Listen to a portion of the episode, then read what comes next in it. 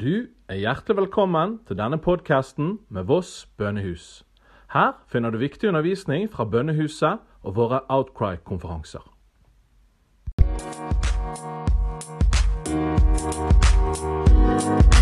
Eller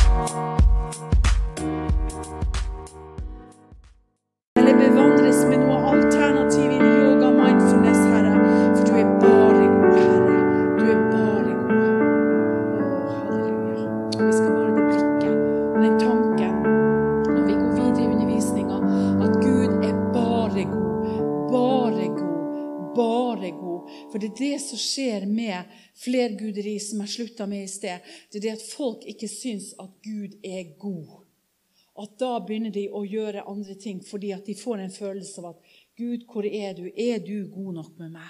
Men Gud er god, Gud er god, Hans nåde varer for evig. Halleluja. Har ikke det vært for Guds nåde, så hadde det vært ute med oss alle sammen. Når jeg slutta i sted med å si om politinisme, så den flerguderien som begynte etter Edens hage, kom ut i verden. Og når Moses sa i 2. Mosebok 20, vers 3, Gud sa til ham, du skal ikke ha andre guder enn meg. For hvorfor måtte Gud si det? Jo, for politinisme, det var det som ville eh, skje i verden når vi kom, når, ettersom generasjoner vokste opp. Masse ut av det er i verden. Og vi tenker liksom Nei, jeg tjener jo ikke andre guder. Jeg tror jo på Gud og det ene med det andre. Og det var ei dame da, som jeg fortalte om når hun hadde vært på yoga, og hun var kristen, og sa ja, men jeg kan bare stå og si halleluja eller be i tunge. Men da hadde hun gitt allerede sitt legeme som et tempel for Den hellige ånd. Da hadde hun gitt det til uh, uh, avguderi, som det står her. I Moss er det en menighet som har Jesus-yoga. Og de har Jesus-yoga. De er på Visjon Norge. De har Jesus-yoga, og de har bønn. Og de kaller det også noe som heter Jesus-jojo. Saken er den at vi kan ikke gjøre noe substitutt, noe som er nært opp til Gud, og tro at vi blir bevart rein i Herren. Som Alfhild sa, ingen kan rive oss ut av Guds hånd. Verken engler eller krefter eller den nåværende verden eller hva som helst. For når vi er beskytta i Gud, så er vi beskytta i Gud. Men det er det vi som kan være med på å åpne opp for disse tingene. Når det er stor avgudsdyrkelse i landet, så er det skjult fedredyrkelse, ismer, filosofier, gymnastikk og avspenninger som er skjult i yoga og mindfulness. Qigong, f.eks., som et alternativ innen behandling og medisin. Det har jo blitt brukt i Japan i flere år. Men så viser det seg at det er et qigong-hospital for folk faktisk som har kommet inn i en sfære at de rett og slett ikke klarer å bevege seg. De går i sakte kino. De tenker i sakte kino. De snakker i sakte kino. Og det er oppretta et psykiatrisk sykehus i Japan og Kina som de faktisk kaller for Qigong-sykehuset. Og eh, Jeg snakka med ei dame her som har vært sykepleier. Hun fortalte oss om to som hun kjenner, som har vært langt inn i det her med, med yoga og alternativ, som har faktisk tatt sitt eget liv. Og Det skal vi se på litt seinere. Eh, dyrkelse av flere guder, så tenker man liksom at ja, men jeg har jo ikke satt opp en spesiell gud. Men når du kommer i hjemmene til folk, inn på butikker, på kafeer, overalt, så er det den feite Buddha som sitter. Det er han som råder. Og til og med i jula så blir Buddha pynta iblant alle de her julegreiene. For at det skal jo være alternativ til alle. De tilber guder som ligner, eller eh, avguder som slett ikke er guder. New Age i dag kan ha samme status, at de blir regnet som innadvendt, sær eller ufølsom hvis du ikke godtar strømningen av guderi. Så da sier, du, da sier de f.eks. at 'Å, er du så sær?' Ja, men er ikke det mange veier som fører til Rom? Jeg må fortelle dere et vitnesbyrd. Jeg, var, jeg skulle ha malekurs. Jeg gikk på kunstskolen i Bergen da.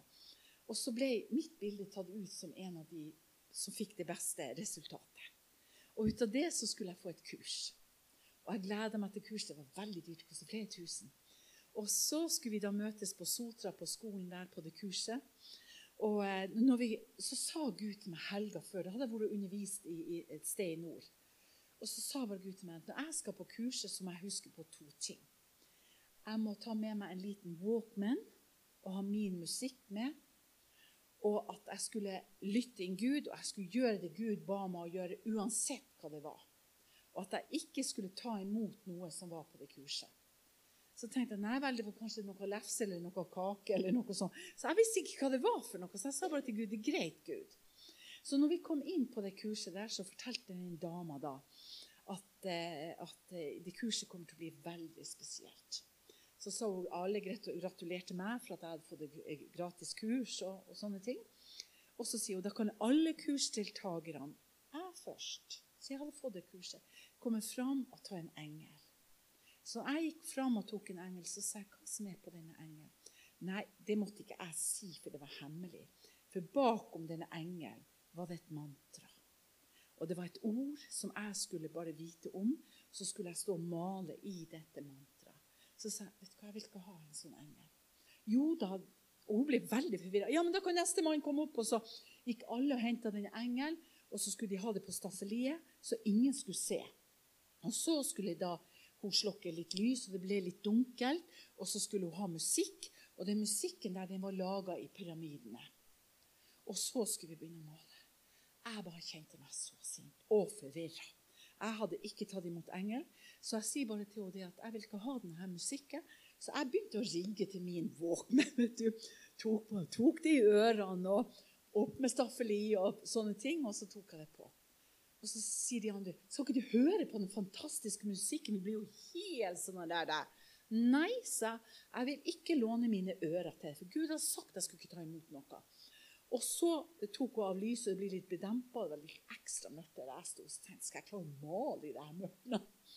Og de andre begynte å male. liksom bare, mm, og bare begynte å male.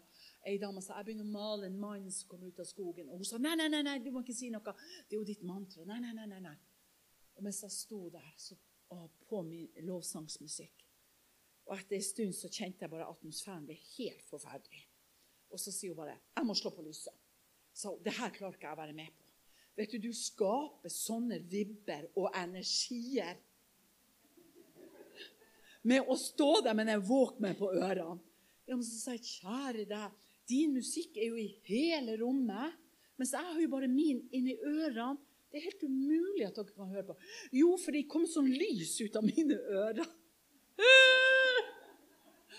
Og så sa hun det er sånn forstyrrende elementer at energiene og kraften det får liksom ikke komme. Og hun fikk ikke tak i det og alt det her. Og så slo hun på lyset. Så sa jeg hva betyr det her? Det betyr enten må du ta av deg øretelefonene, eller så må du stå og male med oss. Hvis ikke så må du gå. Så sa jeg til henne vet du hva? Jeg har vunnet dette kurset. Men det er greit, jeg skal pakke sakene mine. Og så tok jeg av våpenet, og de andre sa 'Å, Guri, du som har vunnet kurset.' Men vet du hva, sa Dette her altså Om jeg hadde fått penger for å være på det kurset, så må jeg bare takke for meg og si takk for meg. Dette er New Age. Dette kan ikke jeg være med på. Og Jeg husker jeg dro staffeliet med meg et halvvått maleri. og Jeg kom der i gangen og sa Gud, hva det var. Og så sa bare Gud til meg du skal bare vise, vite at et lite lys i mørket, det blir alltid forstyrrende. Et lite lys kan lyse opp selv det mørkeste mørket. Og så kom hun etter meg i gangen og ba om unnskyldning for at jeg ikke kunne ha det, for det var sånn ubalanse i den kraften som jeg bar da. Så sa jeg ja, men det er ikke rart det. Så snudde jeg meg i døra. Så sa jeg det er ikke rart det, for du skjønner, den kraften jeg har, den er fra tronrommet, fra Gud. Og vet du, han går ut av kroppen min. Og, og, han er min energikraft. Det er ikke den musikken som er skapt, og alt det er mantra. Men jeg kjente meg litt sånn trist etterpå. Og så snudde jeg meg og sa jeg bare 'Gud velsigne dere'. Og så bare gikk jeg. Men det, jeg var litt rar inni meg, altså. Det, det må jeg bare si.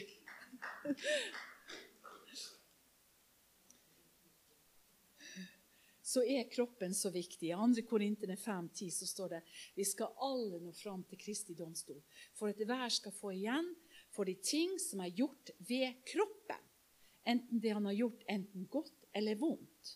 Når vi da erkjenner frykten for Herren, overtaler vi mennesket, står det i vers 11. 2. Korintene 5,11. Så overtaler vi mennesket. Men vi er åpent kjent for Gud og vi stoler på at vi er åpent kjent for hverandre sin samvittighet.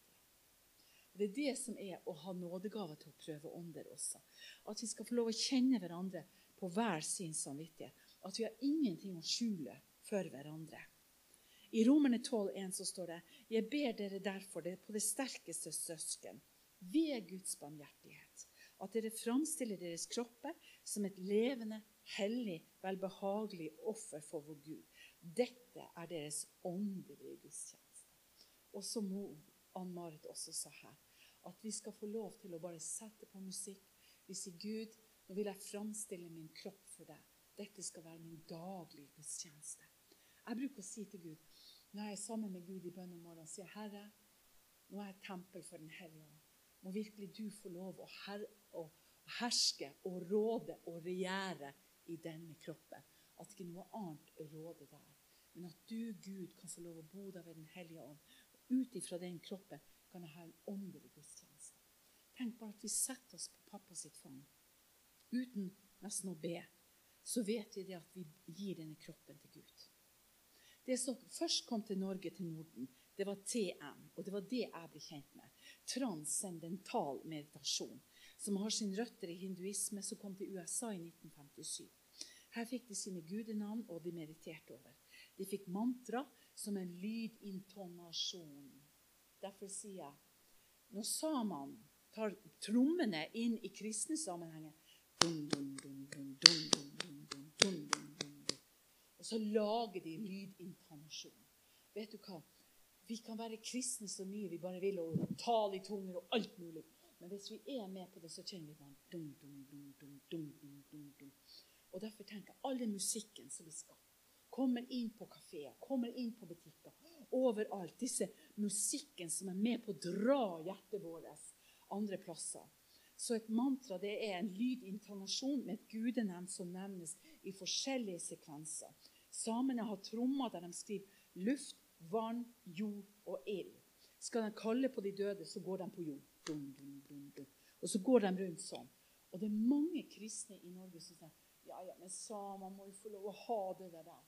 Og de spurte meg opp i nord. Jeg var på bønne- og vekkelseskonferanse.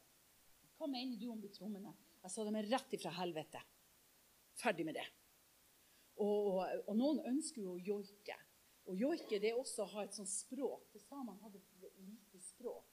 Så joiking i seg sjøl trenger ikke å være eh, noe stygt i, i og for seg. Men, men, så spørs det hvor bruker man joiken i landet. Bruker man å kalle på de døde? Eller bruker man bare for å uh, synge en kjærlighetssang eller noe sånt? Men alt dette har med lydintonasjoner å gjøre. Så jeg må si jeg er ikke så begeistra for den joikinga heller. Og så er det affirmasjoner som kommer i disse pusteøvelsene når det gjelder yoga. Det er f.eks. Eh, pusteteknikker, åndedrettsfokus, kontemplasjon. Det betyr komme inn i en avspenning, inn i en tanke der du, der du bare bestemmer deg. Jeg spenner av den fingeren, den fingeren, den fingeren. Til slutt så kjenner ikke du kroppen igjen. Du er så avspent. Om noen skulle liksom stikke deg, så å, du så avspent, kjenner du ingenting. Min mann, når han begynte på Sjøkrigsskolen, hadde jobbet på Håkonsvern i flere år, så skulle de ha avspenningsteknikker på Sjøkrigsskolen. Og det var blanding av yogaistisk, hinduistisk og alle de her tingene her. Så ringte han hjem til meg og spurte liksom, hva er de her tingene her. Vi skulle spenne av, og vi skulle eh, lage lyder av det ene med det andre. Jeg sa til ham det er fra avgrunn. Du må bare ikke være med på de her tingene der. Altså, det kommer inn overalt. Kontemplasjon som betyr innadvendt grubling, fordype seg i et problem, eller dypsindig religiøs filosofi eller dyp tenkning. Filosofi det høres så flott ut. Man går på universitetet, og så skal man ha filosofi. Jeg har bruk å være sammen med folk som er filosofer, for det er mine venner. Så sa jeg til han ene mannen Si meg en ting. Hva er egentlig filosofi? Vet du hva han gjorde? Hmm. Tenkte jeg ja, ja, det kan ikke bli kveld før du er ferdig. Så sa han jeg må tenke før jeg svarer. Du skjønner det at når det blir sånn at man går så inn i seg sjøl at det grubleri blir grubleri, Så rett og slett er det noe som gjør sånn også i yoga at du skal tie stille. Du skal liksom ikke si noe, du skal bare være til stede. Alt det som er med på å fange tungen. I eh, mindfulness så er det faktisk sånn at da lar du en liten rosin sitte på tungen. Sånn at du gir dette lemmet til, til konsentrasjon. Det står i Bibelen dette lille landet kan prise Gud og kan forbanne Gud. Det kan sette hele helvete i gang. Så dette lille lemmet er viktig hva vi sier og hva vi gjør med dette lille lemmet. Det er ikke til å lukke det igjen og begynne å gruble. Mellom det meditative skiller man også mellom konsentrasjonsteknikker som man oppsøker en bestemt tilstand. Og Det også er det i flere former for yoga. Og Transcendental meditasjon det var det som kom først til Norge, som jeg sa. De hadde med seg gudenavn for at du skulle kontakte kosmos, og at du kunne komme på ulike nivåer i sjelslivet. I yoga bruker man også TM, altså frihet inn i øvelse, inn i gymnastikk, til å manifestere kroppen og få levitasjonskrefter, altså vektløshet og forskjellige former for gymnastikk. Jeg merker jeg går litt sånn fort imellom linjene her. Klassisk yoga er fysiske øvelser, puste, avspenning og meditasjon. Det er reell kontrakt, kontakt mellom kropp og sinn. Klassisk yoga er noe som heter havyoga med avspenning. Det er en tradisjonell yoga innen Behar School of Yoga. Det er Inspirasjonskilden er alltid buddhisme. Det er zen-buddhisme og hinduisme. Som jeg sa i sted, Det finnes flere måter å komme inn i de forskjellige filosofiske tradisjonene når det gjelder yoga. Det, de mener også det. At hvis du begynner på yoga, så kommer du inn i en selvstendig tenkning. Det er analytisk. Du får sette tankene dine i perspektiv. Du blir glup, du blir glad, du blir lett. Men saken er den at det som skjer, du bare går innover og innover og innover. Noe som heter yoga tantra, som er en meditasjon i hverdagen. Det er at du bruker 20 minutter. Jeg tenker Vet du hva? Altså Når det var folk som sa til meg Hvor lenge bruker du sammen med Jesus? Så sier jeg enn du, da? Ja, hun brukte 20 minutter yoga for å gå på jobb. Brukte 20 minutter for å la seg en kveld. Og da måtte jeg si til en kristen forsamling Hvor lenge bruker vi med Gud? Bruker vi fem minutter raser ut gjennom døra? Hva gjør vi før vi legger oss? Å, kjære Gud, jeg må ha meg et Guds ord i kveld. Eller sitter vi virkelig stille med Gud og sier Gud, jeg føler ingenting, jeg kjenner ingenting, jeg leser Guds ord, føler ingenting, kjenner ingenting, Gud. Og det her gidder jeg ikke mer. Ja, nå har holdt på et kvarter, nå skal jeg på jobb, eller nå skal jeg ta en telefon, eller datten. Er det noe virkelig som Satan prøver å røve fra oss, så er det tida vår. Og er det noe som de i meditasjon kan gjøre, det er å bruke tida. De bruker sin egen nadel, de kryper inn i den. Og så har de det filosofiske å bruke musikk til, og det ene med det andre. Yoga er en av de seks klassiske systemene for hinduistisk filosofi. De praktiserer for å oppnå en begrensning for at kjøttet ikke skal få større innflytelse, men at sinnet deres, tankene og deres ånd skal få en stor innflytelse. Det skal være med på å skape indre fred. De har en doktrine som sier at du får en fysisk, psykisk og åndelig trening der du kan få dine behov dekt. Når et menneske kommer inn på yoga og de hører få behov dekt Får jeg mine behov dekt? Får jeg dem dekt når jeg går i menigheten? Praktisering av yoga er åtte trinn. Det er å oppnå fullkommen kunnskap. Selvdisiplin, religiøse oppramsinger, stilling av kroppen, pusteøvelser, beherske de undertrykte sansene. Når jeg gikk på BI og tok coaching, så opplevde jeg veldig mye at folk liksom, yogaister sa liksom, vi skal bare undertrykke følelsene.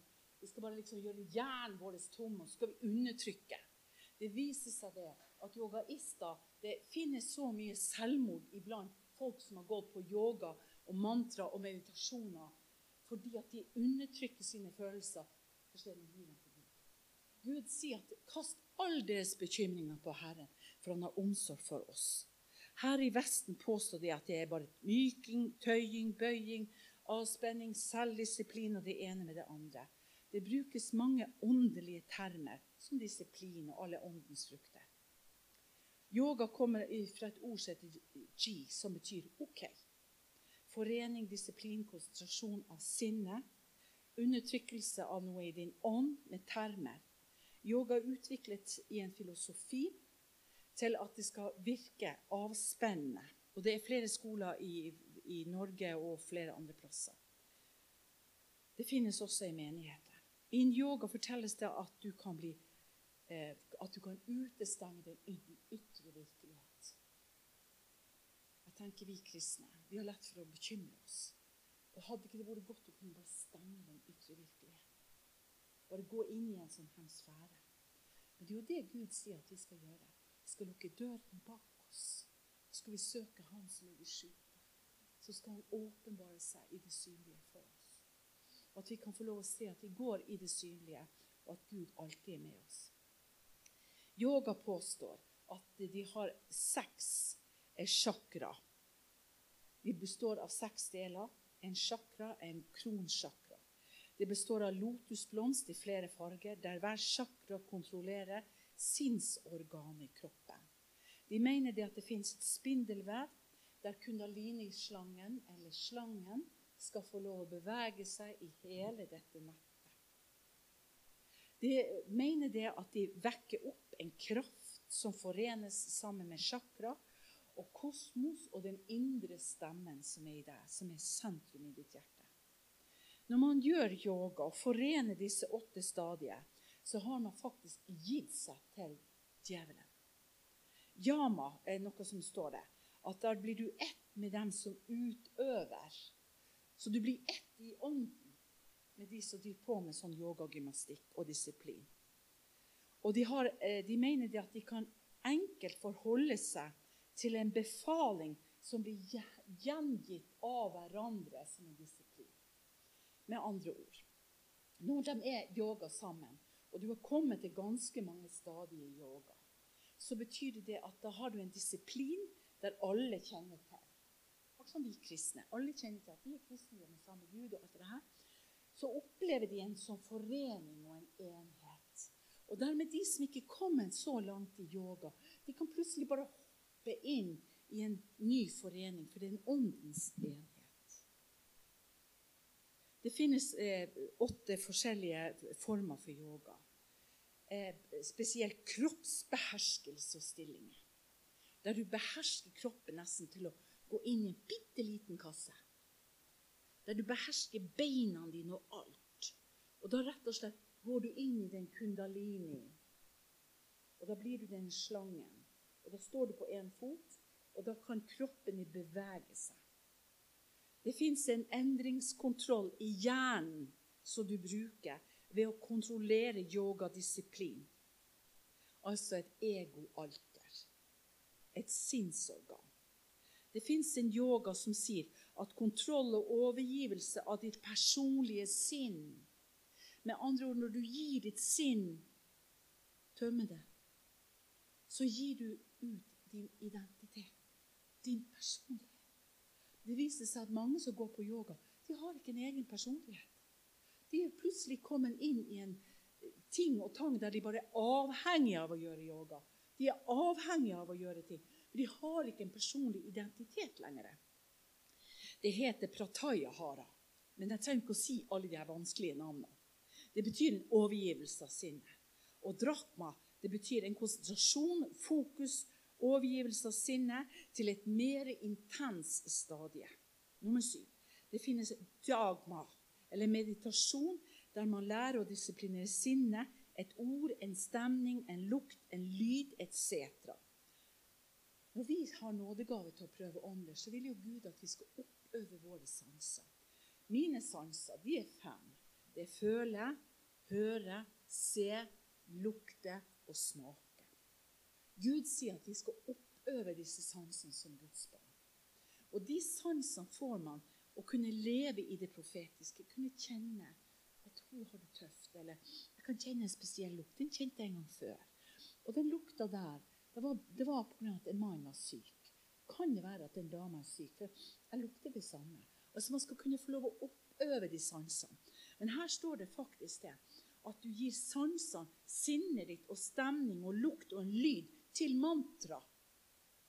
Du rett og slett overlater det til en pustebevegelse, til åndedrette refleksjoner og kontemplasjon. Det er det her at du skal føle en stemning eller en lydintonasjon. Nummer åtte dypgående meditasjon.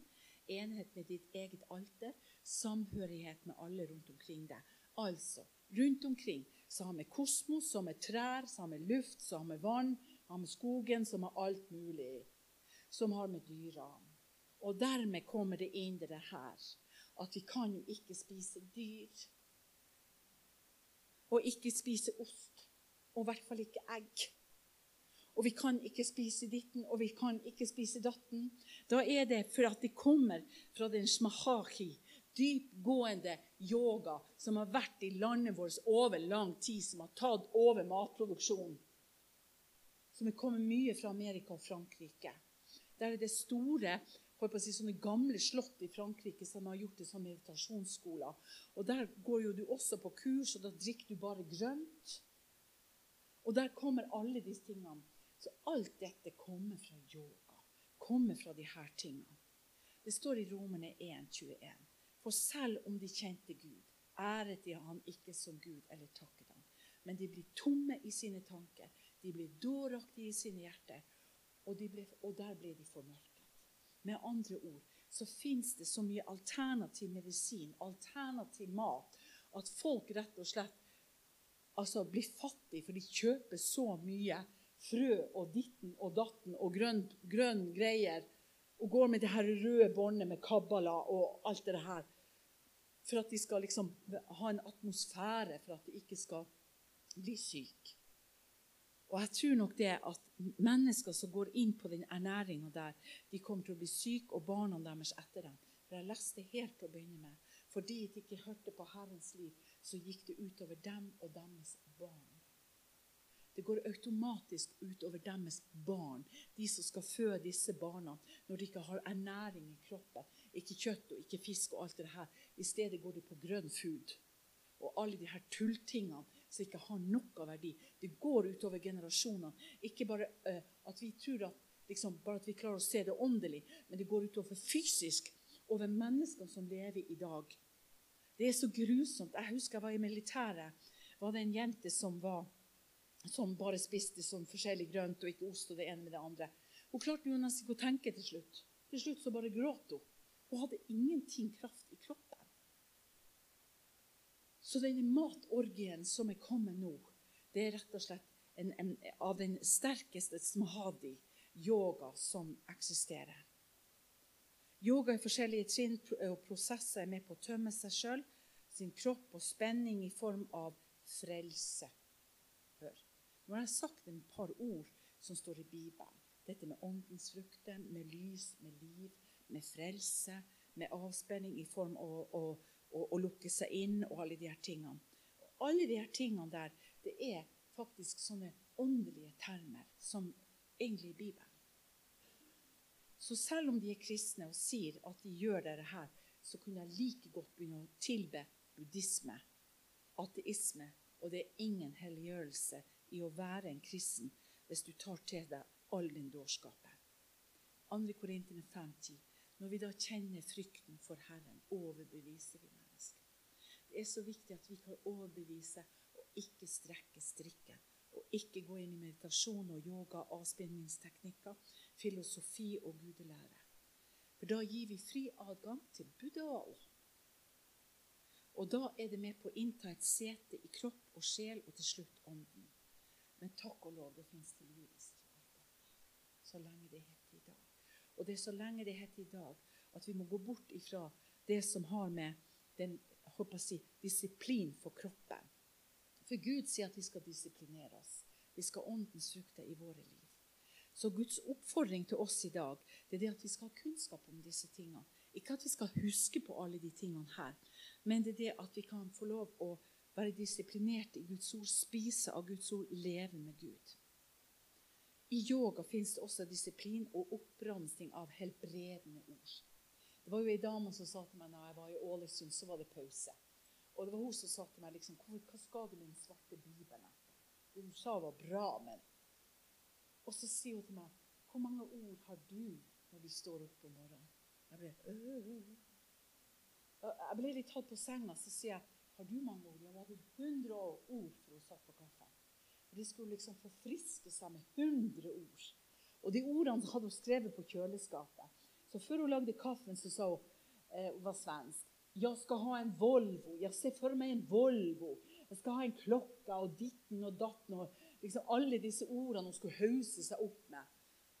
Og Jeg ble bare så fortvilt. når jeg, liksom, Hvor mange ord har du før du våkner om før du tar deg kaffe om morgenen? Jeg som var B-menneske, helt seledød. Vet du, Jeg hadde ingenting å skryte av. Så tenkte jeg, hjelp Gud, jeg klarer ikke å våkne og tenke før jeg har fått i meg kaffe. Langt mindre enn 100 ord før jeg får kaffen. Men så sa Gud til meg, men Anie, vet ikke du at når du bygger huset for Herren, så gir Gud deg alt dette mens du sover? Og det sa jeg til henne. Du skjønner, Jeg trenger ikke å hause meg opp med masse ord, for at jeg er med på å bygge Herren sitt hus. Jeg er et tempel for Den hellige ånd. Og når jeg bygger hus i Herren, så bygger ikke Herren forgjeves. Jeg er denne bygden, Den hellige ånd er bygningsmann, og han skal få lov å bygge sitt rike i meg.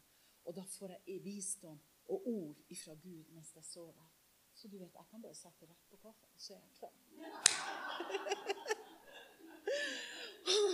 og da sa hun Ja, mye, mye stilig. Ja, mye bra.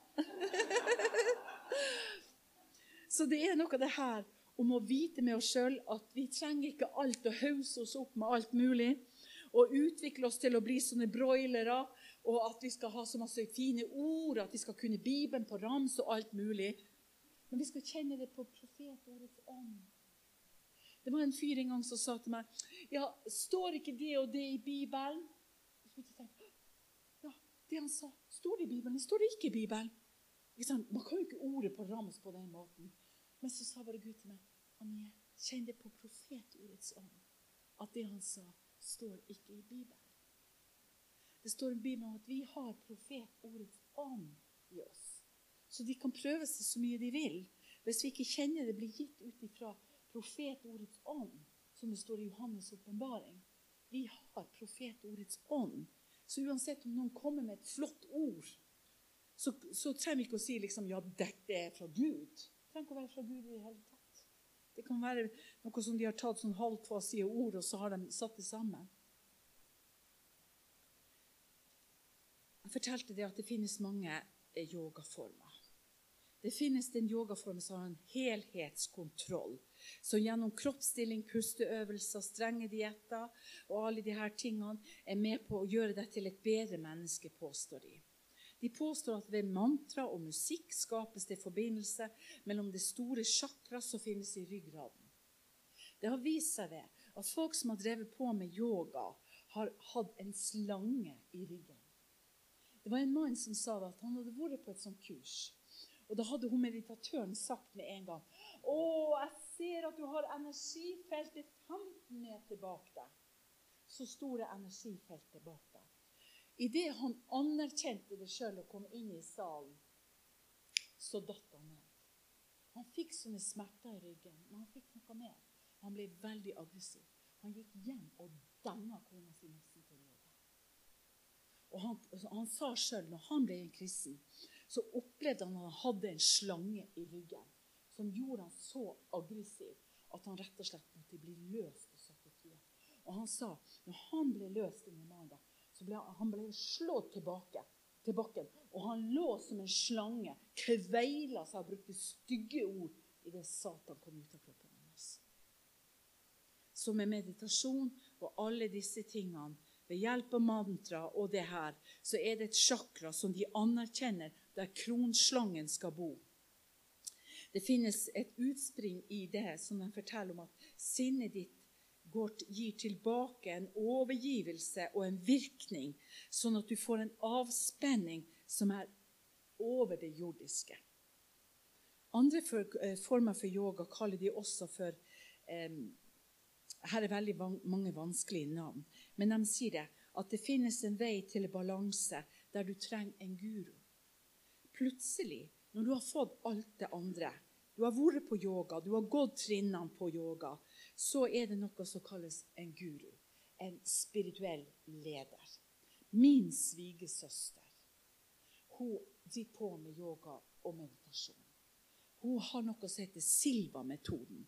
Det er en indisk gudinne med mange armer. Og Hun mener det at når hun går ned i yoga, så kommer hun inn i en fosterlignende tilstand. Sånn at hun nesten ligger som en sånn fosterklump. Og da vet du at når hun er denne fosterklumpen der, så kan ikke ytre påvirkninger påvirke hennes kropp, så at hun kan holde seg frisk. Hun påstår at hun gjør seg frisk hver dag for at hun fikk kreft i det ene brystet. Og så gjør hun yoga hver dag for at hun skal komme inn i en fosterstilling, sånn at fosteret skal være rent, sånn at hun kan ta imot noen feile mutasjoner av kreft. Hun gir seg hen til de greiene der. Hun mener det at hun går inn i universets stilling, og hun sier til meg og så hun kan provosere, og da må jeg bare, jeg må bare overlate meg til Gud. Hun, av, hun bor i Finnmark. Og av og til så kommer det en guro til Hammerfest. Og så sier jeg, 'Hva gjør denne guroen der?' Nei, han forteller oss og viser oss, og vi mediterer i lag, og vi er ett i ånden i lag, og sånne ting. Sier jo, 'Det koster bare 5000.' Så billig for å få så mye. Og jeg tenker, jeg er sikker på at jeg har ikke, betalt fem øre for å få den kunnskapen. Og, og, og, og hun sier 5000 pluss reiser pluss eh, eh, eh, sprit i baren og alt det her, og alle middagene og alt det her som skjer. Så 15 000 på en par dager, det er jo ingenting for å få så mye i den åndelige dimensjonen.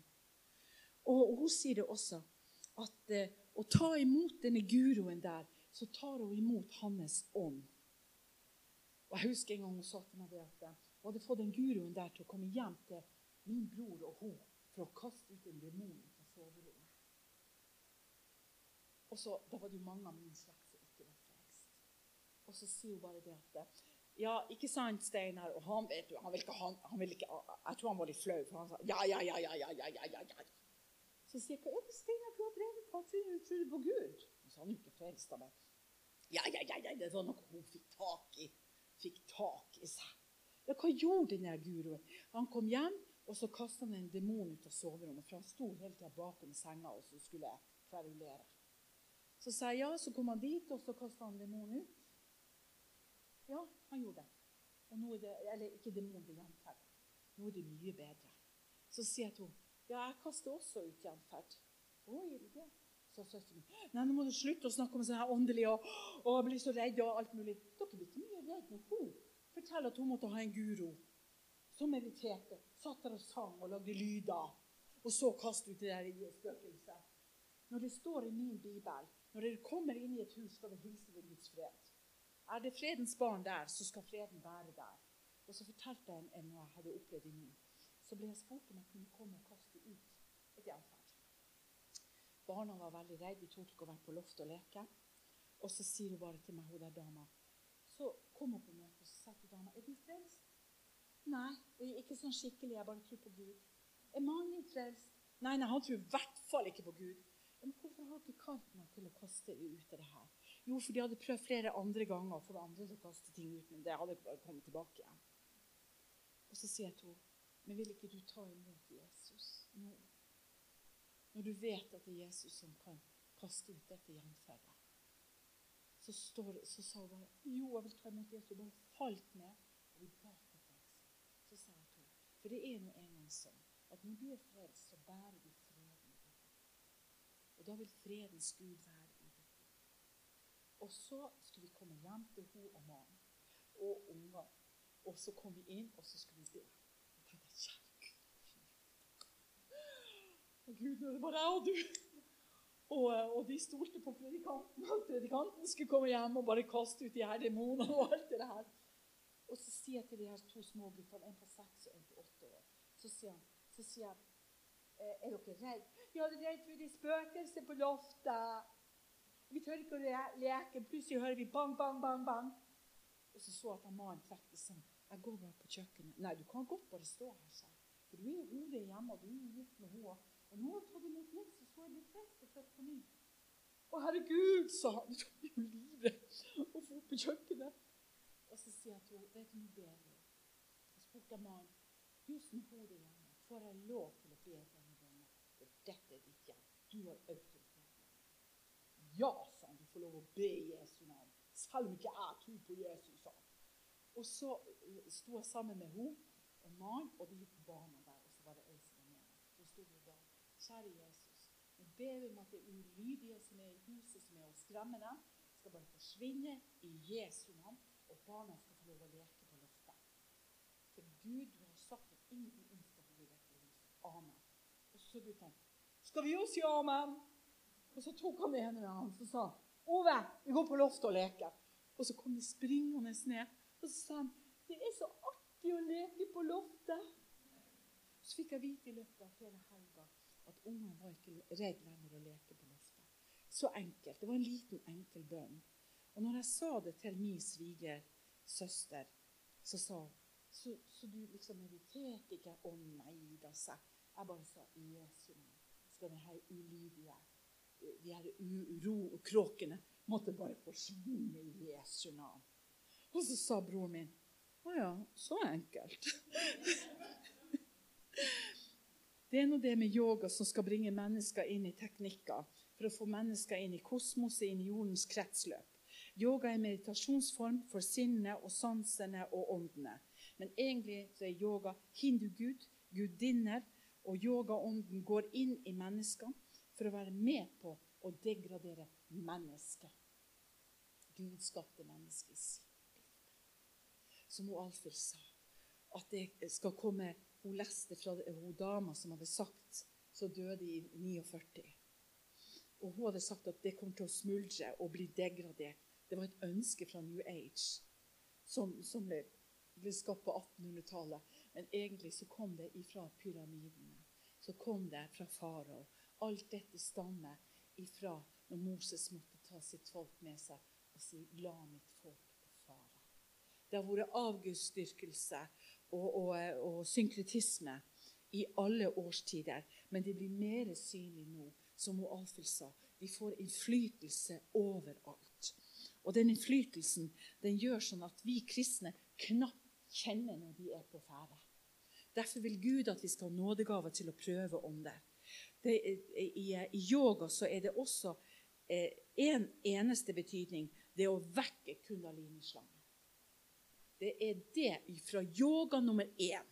Det du tar imot og, og gjør en solhilsen til Mitra og til Ra, så er du med på å vekke kundalinislangen, eller kraften, som er et mantra. Et ord, en, reson, en resonans, lydsekvens, som blir en bevissthet inn i mennesket. Det er Satans hoveddel når det gjelder yoga. Når det finnes mange forskjellige former for yoga, så er det det at det første trinnet åpner du for alle disse tingene. Selv om det står om at første trinn er forberedelse, så er det kropp og sjel. Så er det følelser, tankelivet, så er det sinnet, så er det ånden og alle disse tingene som kommer inn. Det er avguderi og demoners lære. I Efesene 6,10 så står det til slutt Bli sterk i Herren og i Hans veldige kraft. Ta på dere Guds fulle rustning, så dere kan være i stand til å stå imot djevelens listige angrep.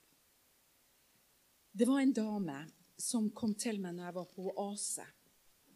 Eh, og hun sa det at hun er skremt for gutten sin Eh, barnet sitt som hun kom hjem en dag, fortalte det at de hadde gjort yoga.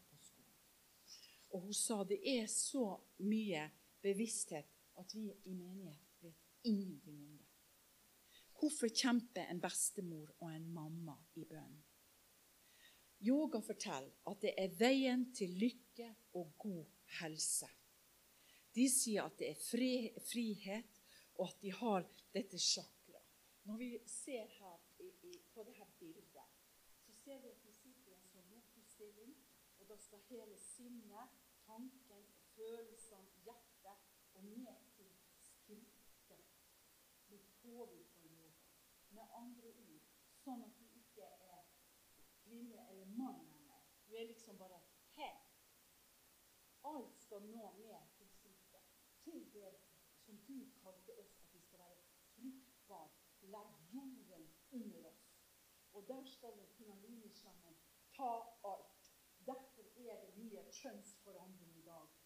barn får lov å være i barnehage i dag. Eh, Barnehagetantene mediterer. De har åndelige seanser uten at det er noen som merker noe som helst. Og de får leke med dukker, og gutter skal leke med dukker og kle seg som jenter. Og de kan få lov til å velge før de blir seks år om de ønsker å være gutt eller jente. Dette er fordi at denne kundalini-slangen og alt dette går fra toppen av hodet ned til skrittet. Og det går i alle deler. Og dermed sitter man i denne lotusstillingen som har en sånn, sånn Denne lotusblomsten skal liksom vekke opp alle sansene. Det her er kundalini uh, som, uh, som, går inn i kroppen, som er indisk. Som de mener det at de skal få lov å stå parat inni kroppen. Her f.eks. så ser man alle disse bevegelsene inn i solhilsen. Der du, der du gjør denne lotusstillingen, men der du blir en ørn, en løve og sånne ting. Eh, her er også der du kommer til en, en annen form for yoga. Det viser seg at du kan skade både nakke og rygg i denne yogaformen. Denne yogaformen her skal du gjøre i 90, i 90 minutter, 40 grader. Det finnes også yoga der du, der du skal ligge sammen naken. Og Da skal alle kunne ta på hverandre og bare kjenne. Og det er også i 90 minutter. Der det er 40 grader, og du skal kjenne på hverandre. Og Det spiller ingen rolle om du kommer bort til hverandre sitt kjønn, for det er liksom ikke sant. Det kan du bare gjøre. Eh, og her er også masse fare for psykisk og fysiske skader på kroppen. Det er det ingen som snakker om. Her er det f.eks. barn og gravide som skal gjøre yogaøvelser. Eh, de skal være med på å, å gjøre sånn at eh, kjertelsystemet og alt det som vokser inn i barnet, det som vokser inn i mora, dette med melk og alt det her, skal liksom som bare, bare forøke. Og alle disse formene her, det gjør Det skal liksom gjøre noe godt med deg. Og her er det også forskjellige pusteøvelser der du skal gjøre det ut i naturen, og du blir ett med naturen og ett. Og her er sånne guruer som er der. Og her ser du liksom hvor alle sammen skal forenes i en enhet. Og der du forenes i, i en enhet. Jeg har en god venn som heter Sven Bøen, som er indremedisiner i Tromsø. Og, og han sier det sånn Innen hinduisme oppfattes mantraen som guddommelig og brukes som hemmelig formel over en overnaturlig kraft. Ofte brukes mantra for å vekke den såkalte kundalinislangen. De benekter i yoga at den får, til, at den får tilpasning, eh, men det er det som er hele og fulle sannheten. Eh, det er refleksjoner eh, som skal gå langt inn i kroppen. Her er det f.eks. om at du gir sinnet ditt til, eh, yoga og disse gudene. At du bare frigjør energier og sånne ting. Og det at du bare gir kroppen din fullstendig til en guru, til et menneske. Bibelen sier også det at uh, forbannet er den som dyrker mennesket. Her står det også det fare for psykiske lidelser. Der uh, viser seg det i Sverige og i Danmark og flere andre naboland at de har fått det som kalles for kundalini-syke.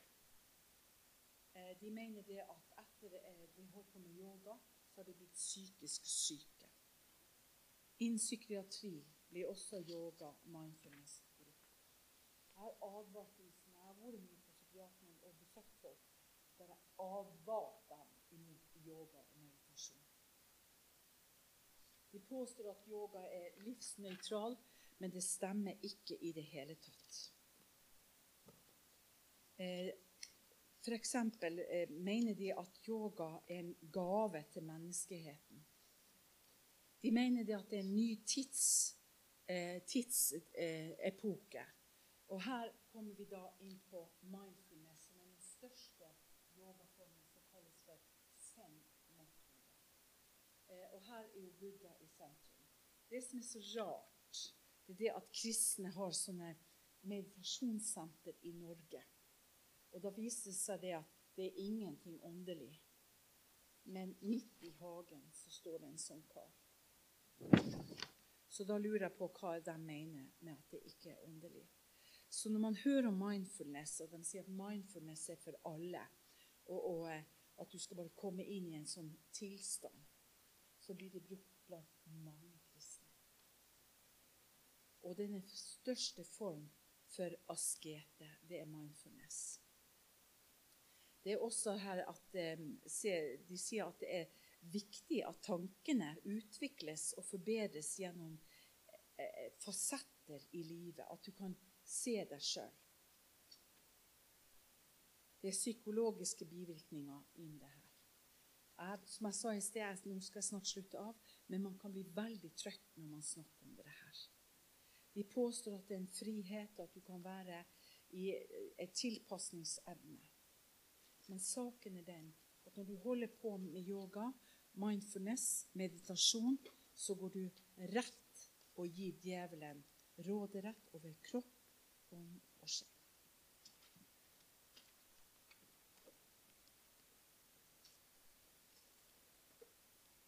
Det står i Bibelen om at vi skal få lov til å være tilgjengelig for Gud den hellige ånd. Nå har jeg bare surfa litt på overflata, det jeg har tatt med meg.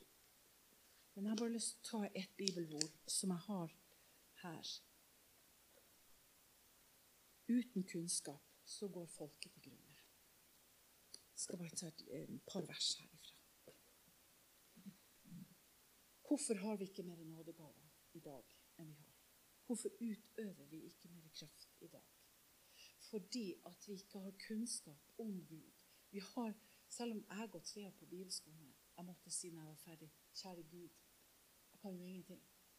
Egentlig. Når det gjelder de åndelige gavene, søsken, vil jeg ikke at dere skal være uvitende. På samme måte som vi trenger å vite hva som er i verden i dag av åndelighet, som vi har surfa litt over i dag, så er det viktig at vi også har kunnskap om nådegaver. Uten kunnskap går folket til grunne. Det står i ordspråken 'min sønn' dersom du tar imot mine ord og gjemmer mine bud hos deg, så du legger øret til visdommen og bøyer ditt hjerte til forstanden. Ja, om du roper etter evne til å vandre rett, og løfter din røst og kaller på forstanden. Dersom du søker den som etter sølv, og leter etter den som skjulte skatter, da skal du forstå Herrens frykt og finne kunnskap. Så lurer jeg på jeg snakker for meg selv. Herre, har ikke jeg kanskje søkt som om jeg skal dra etter skatter? Hvorfor er det New Age er på så frammarsj i dag? Fordi at de er desperat å komme inn i det meditative. De gjør alt for å komme der. De setter av tida flere ganger for dagen, søker Gud i meditasjon. De prøver alltid å få kursene inn på jobben. De profilerer det så bare juling. Og hva gjør vi? Her står det hvis du tar imot mine ord og gjemmer mine bud i ditt hjerte, så du legger øret til visdommen og søker Gud, kunnskap hos Gud, da skal vi ikke mangle noe. Så da snakker jeg for meg sjøl. Kjære Gud, har jeg søkt etter kunnskap og visdom hos Gud? Eller er det det at jeg hele tiden liksom frykter for at Å, kjære Gud, hvordan skal jeg takle livet? Isteden å søke Gud. Det står 'jag etter kjærligheten'. Strev etter de åndelige gaver. Mest etter å tale profetisk. Så når vi lever i Gud, så skal vi også forvente at vi taler profetisk. Den som taler, han taler som Guds sier Bibelen. Og da skal ordet være så gjennomsyra i våre liv at vi at vi bare vet at vi er over de som driver på med meditasjon og alle disse tingene. Så nådegavene, å kunne be Gud om å få nådegavene Søk nådegavene. Når det gjelder de åndelige gavene, søsken, vil jeg ikke at dere skal være uvitende. Så i kontra det At folk går på kurs, og at de driver på med meditasjon. De reiser land og strand og mediterer, betaler ganske mye for det. Og vi kristne. Så jeg tror det er viktig at ordet, at Norge får en bibelvekkelse. Og at jeg leste i sted den trosbekjennelsen som har vært i kirka i alle år. At vi gir akt på den. At vi gir akt på Guds ord. Og gjemmer Guds ord i våre hjerter. Jeg tenkte nå For å slutte av så har jeg lyst til at vi alle skal bare reise oss. Så har jeg lyst til å be en felles bønn. Og så bare vil jeg be for oss alle som er her. Himmelske Far, be etter meg. Himmelske Far. Hvis jeg har gått inn i noe som er uforskyldt, som gjør at en liten dør står på gløtt, så ber jeg om tilgivelse. Og jeg tatt igjen denne døra med Jesu Kristi blod. For du er mitt forsoningsverk på Golgata. Jeg ber om tilgivelse for det har gjort bevisst, som ikke har vært din vilje i det åndelige.